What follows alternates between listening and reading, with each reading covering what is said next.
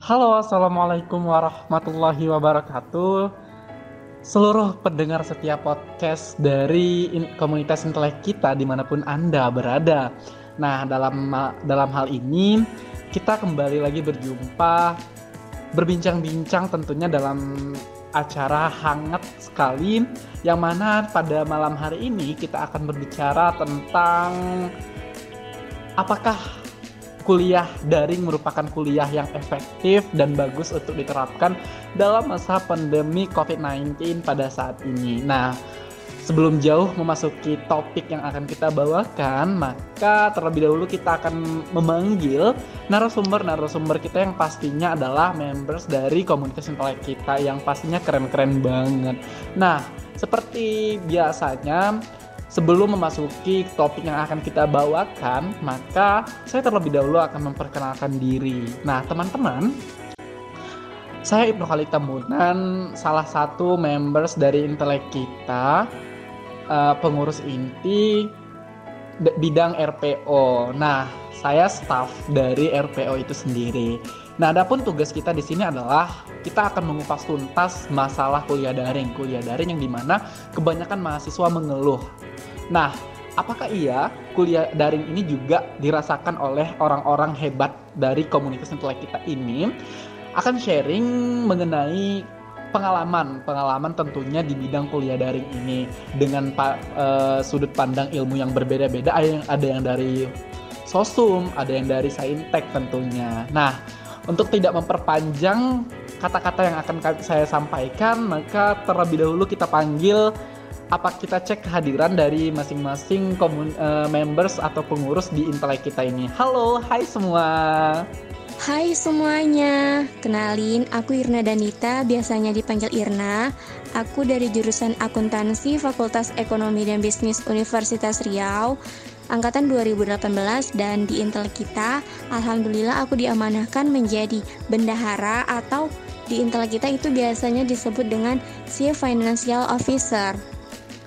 Hai Ibnu, hai juga semuanya. Kenalin, aku Yunita Diputri, uh, biasa dipanggil Yunita. Uh, aku saat ini um, menjadi staff di sosial pionernya intelek kita. Uh, dan saat ini aku sedang menjalankan semester 6 di jurusan Hubungan Internasional FISIP Universitas Riau. Halo Ibnu, terima kasih telah memberikan waktu luangnya kepada saya. Halo kawan-kawan, perkenalkan Nama saya Emil Rizar. Saya di sini yang berbeda ya dari kawan-kawan intelek kita. Nah, di sini saya dari Fakultas Ekonomi, jurusan akuntansi. Semesternya semester akhir. Doakan cepat selesai ya.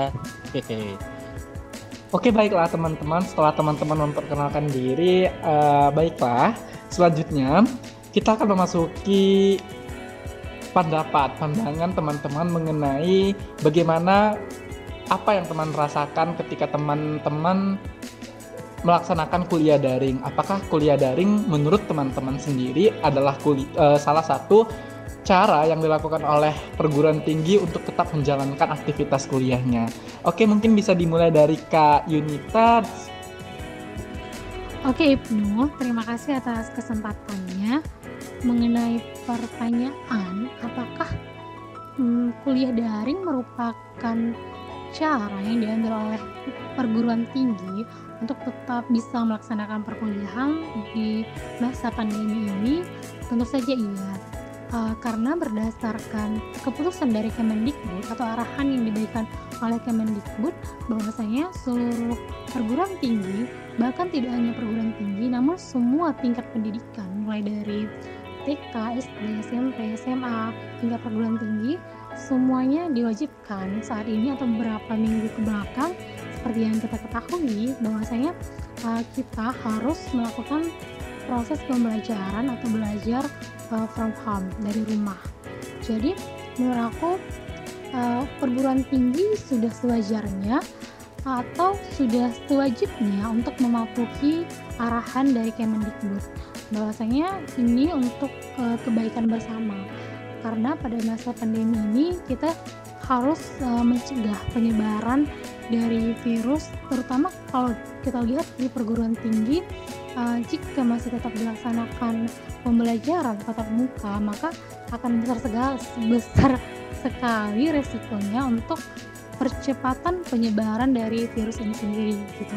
Maka sudah sewajarnya saat ini uh, perguruan tinggi uh, melakukan atau mengambil tindakan untuk belajar daring bagi uh, mahasiswanya seperti itu. Namun, apakah pembelajaran daring ini efektif atau tidaknya itu uh, harus kita tinjau atau kita analisis lagi ke depannya atau dari sekarang seperti itu. Oke, okay, thank you Ibnu. Berbicara mengenai aktif atau tidaknya kuliah daring untuk mahasiswa ini tentu tidak seefektif jika dibandingkan dengan kuliah langsung tatap muka di kampus.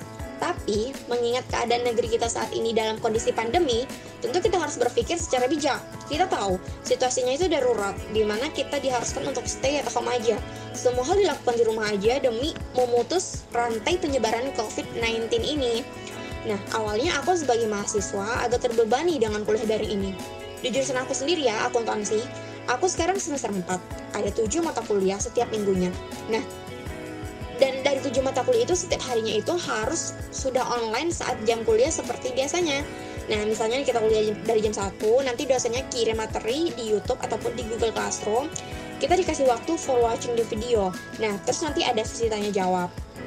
Ada juga beberapa dosen yang memang kita sendiri yang menjelaskan materinya direkam gitu oleh video nah nanti ditanggapi atau didiskusikan di kelas itu setelah kelas selesai ada tugas lagi di mana deadline-nya itu emang harus hari itu juga ataupun besok mungkin atau minggu depannya.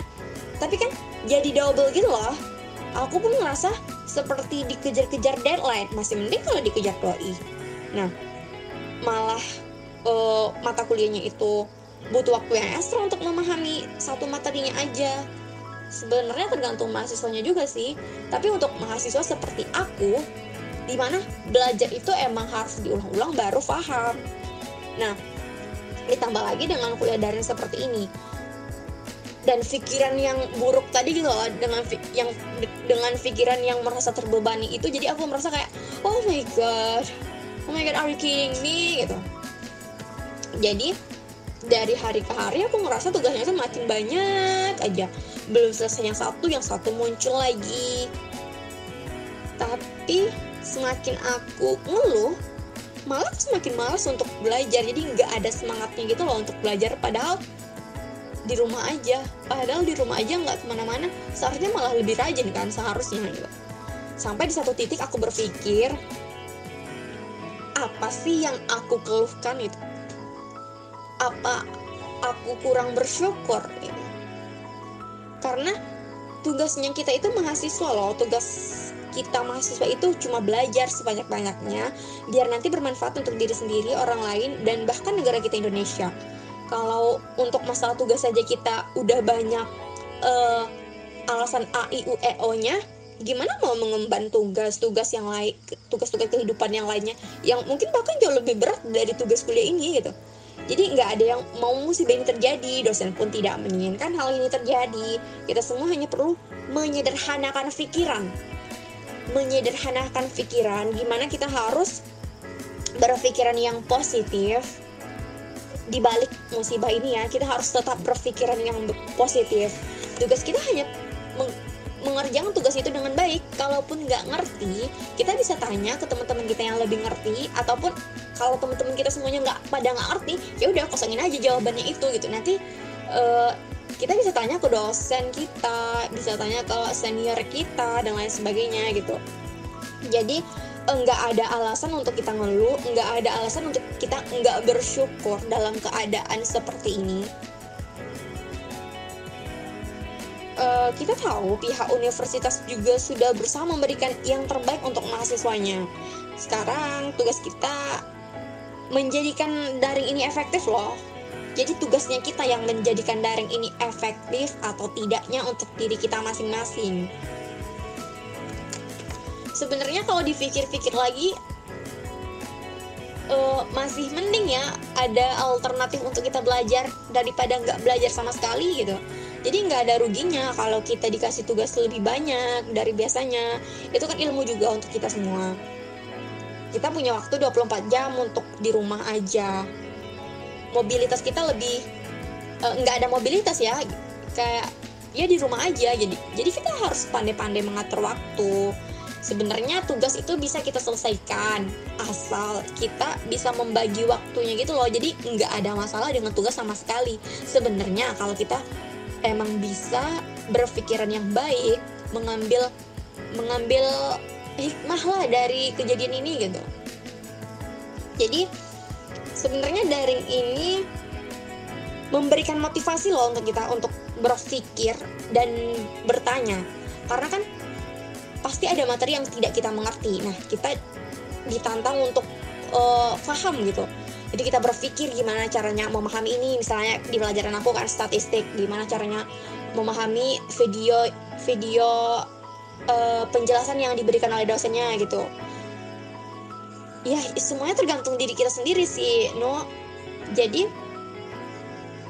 kita sebagai mahasiswa seharusnya bisa mengatur pikiran kita, bisa mengatur kesehariannya kita.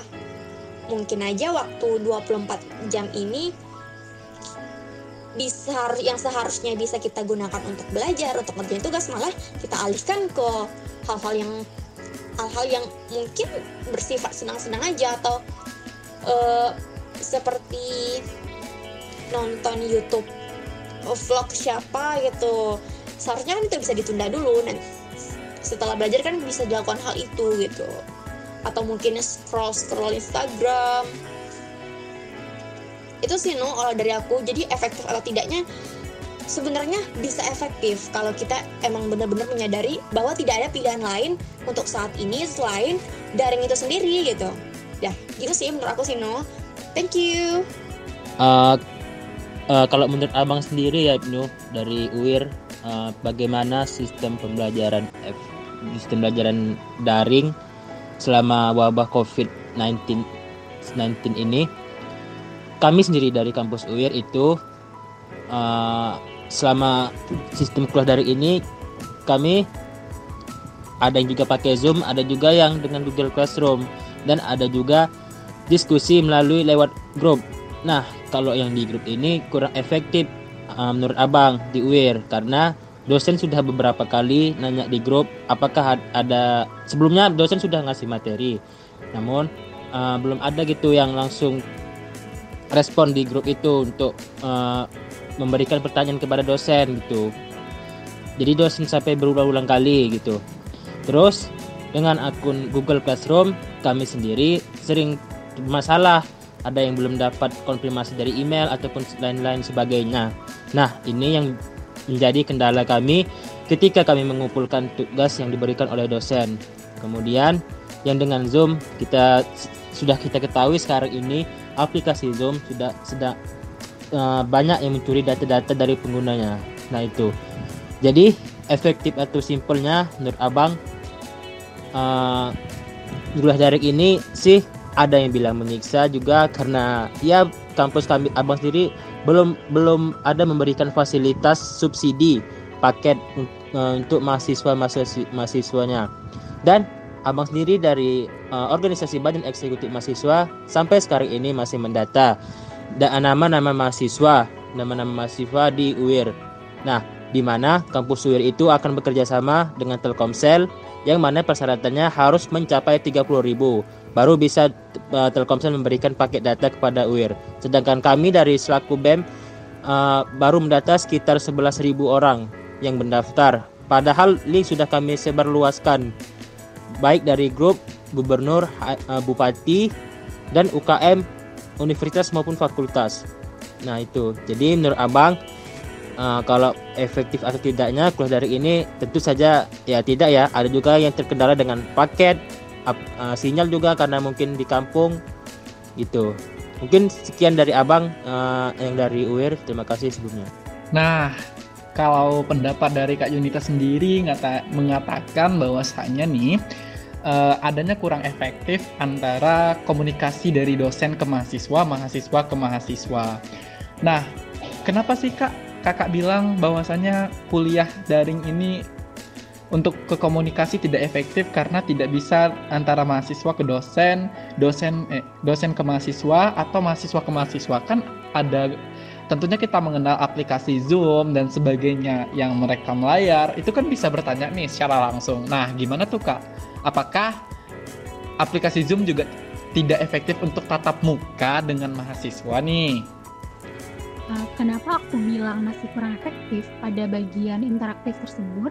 karena menurut pengalaman aku pribadi aku melihat ada dua tipe di sini ada yang ketika kelas tatap muka uh, pada kelas tersebut ketika dosen mengajukan pertanyaan atau ketika presentasi kelompok itu yang mau bertanya itu uh, sedikit sekali gitu bahkan cuma ada satu atau bahkan pernah nggak ada sama sekali uh, pertanyaan pada hari itu gitu.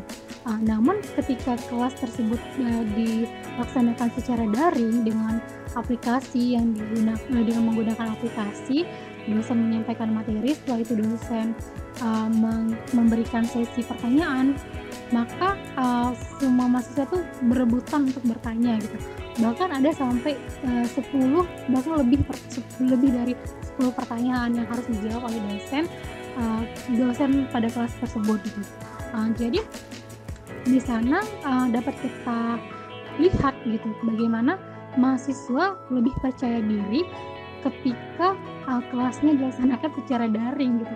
Mereka lebih berani untuk bertanya ketika kelasnya dilaksanakan secara daring dibandingkan kelasnya dilaksanakan secara tatap muka. Nah, namun pada sisi lain ada juga uh, di kelas lain dosen yang mengeluh kepada mahasiswa kepada kami di grup uh, grup kelas gitu bahwasanya uh, mahasiswanya kurang uh, respon terhadap apa yang disampaikan oleh dosen uh, di dalam kelas tersebut gitu. Uh, karena dosennya juga aktif gitu setiap minggu mengirim bahan atau mengirim artikel atau yang lain-lain gitu. Uh, namun mahasiswanya uh, kurang respon terhadap dosen tersebut gitu. Jadi menurut aku pada bagian ini uh, sebenarnya ini kembali lagi kepada setiap mahasiswa mahasiswa itu sendiri gitu. Untuk menjadikan apakah kuliah dari ini dapat efektif atau tidak gitu. Uh, kalau aku sendiri uh, selalu berusaha ya sampai sekarang gitu. Gimana supaya kuliah dari ini uh, bisa aku maksimalkan gitu. Uh, jadi aku bisa ngambil banyak manfaat dari kuliah dari ini uh, namun tentunya aku juga uh, melihat ada masih banyak kekurangan uh, yang harus kita perbaiki dari kuliah dari ini gitu. Wah, keren banget nih. Oke, okay. uh, eh, telah dijabarkan oleh pandangan dari Kak Yunita. Maka untuk terakhir nih, untuk terakhir, closing statement dari Kak Yunita sendiri terkait ke kuliah daring. Mungkin bisa saran ke mahasiswa, apa yang harus dilakukan oleh mahasiswa. Mungkin bisa juga saran ke dosen. Nah, pilih mana saran ke dosen atau saran ke mahasiswa sarannya apa yang harus dilakukan oleh mahasiswa untuk lebih menggiatkan ke kuliah efektif ini oh kuliah kuliah daring ini nggak hanya ngeluh tapi juga harus berproses gitu gimana kak closing statementnya baik Ibnu terima kasih uh, untuk terakhir dari aku untuk semua mahasiswa uh, terutama untuk aku pribadi kayak gitu uh, ayo uh, kuatkan hati dan kuatkan diri, jaga kesehatan agar bisa melaksanakan atau menyelesaikan sisa-sisa semester kita pada kali ini. Walaupun banyak tugas yang menumpuk, banyak kelas yang harus dilaksanakan setiap hari kayak gitu. Tapi kita harus tetap menjaga kesehatan uh, dan yang paling penting itu menjaga semangat gitu. Ayo uh, cari teman berbagi gitu karena kalau kita sendiri apalagi di rumah kita tuh pasti akan uh, merasa lebih malas dan merasa drop kayak gitu jadi ayo terus diskusi sama teman-temannya uh, teman-teman dekatnya mungkin yang bisa mengasih uh, memberikan semangat kepada kita kayak gitu agar untuk menjalankan uh, semester ini dengan baik gitu. Uh, kemudian uh, kebetulan saat ini kita sedang melaksanakan puasa. Semoga kita mendapatkan keberkahan dari puasa kita, eh, dari dari menjalankan puasa ini. Dan tugas-tugas kita dapat mudah terselesaikan, ujian kita juga dapat terselesaikan dengan baik dan intinya semester ini dapat berjalan dengan baik gitu. Uh, dan yang paling penting uh, untuk semua teman-teman mahasiswa jangan lupa terus berdoa agar keadaan kita lebih bisa bisa segera membaik dan kita bisa kembali untuk melaksanakan uh, perkuliahan secara uh, normal lagi secara tatap muka seperti itu. Pokoknya intinya semangat dan uh, dan jangan lupa bikin target-targetnya, kerjakan tugasnya uh, setiap hari yang serangsur agar tidak deadline dan nggak capek juga seperti itu. Uh, mungkin itu aja dari aku intinya tetap semangat terus dan jaga kesehatan gitu. Uh, mungkin itu aja Ibnu uh, sekian terima kasih dan mohon maaf kalau misalnya selama penjelasan tadi banyak kesalahan-kesalahan uh, ucapan seperti itu. Wah, wah, closing statement yang sangat bagus. Oke, teman-teman. Nah, sampailah kita di puncak daripada acara kita, yakni setelah kita dapatkan dari berbagai perspektif bahwasanya kuliah daring ini efektif atau tidak. Nah, jawabannya saya dapat menyimpulkan bahwasanya kuliah efektif ini tergantung ke individunya. Individunya untuk menyikapi apakah dia merasa efektif atau bahkan tidak. Nah, kalau misalnya dia tidak merasa efektif, berarti harus dievaluasi lagi. Nah, bagaimanapun akan ada hikmah di balik ini semua. Begitu kan teman-teman? Nah, terima kasih banyak kepada teman-teman yang telah meluangkan tanggapannya yang sangat hebat-hebat mengenai kuliah daring ini. Nah, cukup sekian dulu podcast kita pada malam hari ini. Nantinya akan kita sambung lagi di episode selanjutnya. Oke, teman-teman. Selamat beristirahat, tetap stay at home, lakukanlah pekerjaan, tugas dan sebagainya di rumah aja. Jangan ke mana-mana, apalagi nih kita di bulan puasa. Perbanyak amal, perbanyak mendekatkan diri kepada Tuhan Yang Maha Esa, dan insya Allah kita akan tetap sehat walafiat. Amin amin ya robbal alamin. Oke, kami dari komunitas intelek kita terima kasih kepada pendengar yang berbahagia. Kami sudahi dengan salam. Sampai jumpa di episode selanjutnya. Wabillahi taufiq walhidayah. Wassalamualaikum warahmatullahi wabarakatuh. Selamat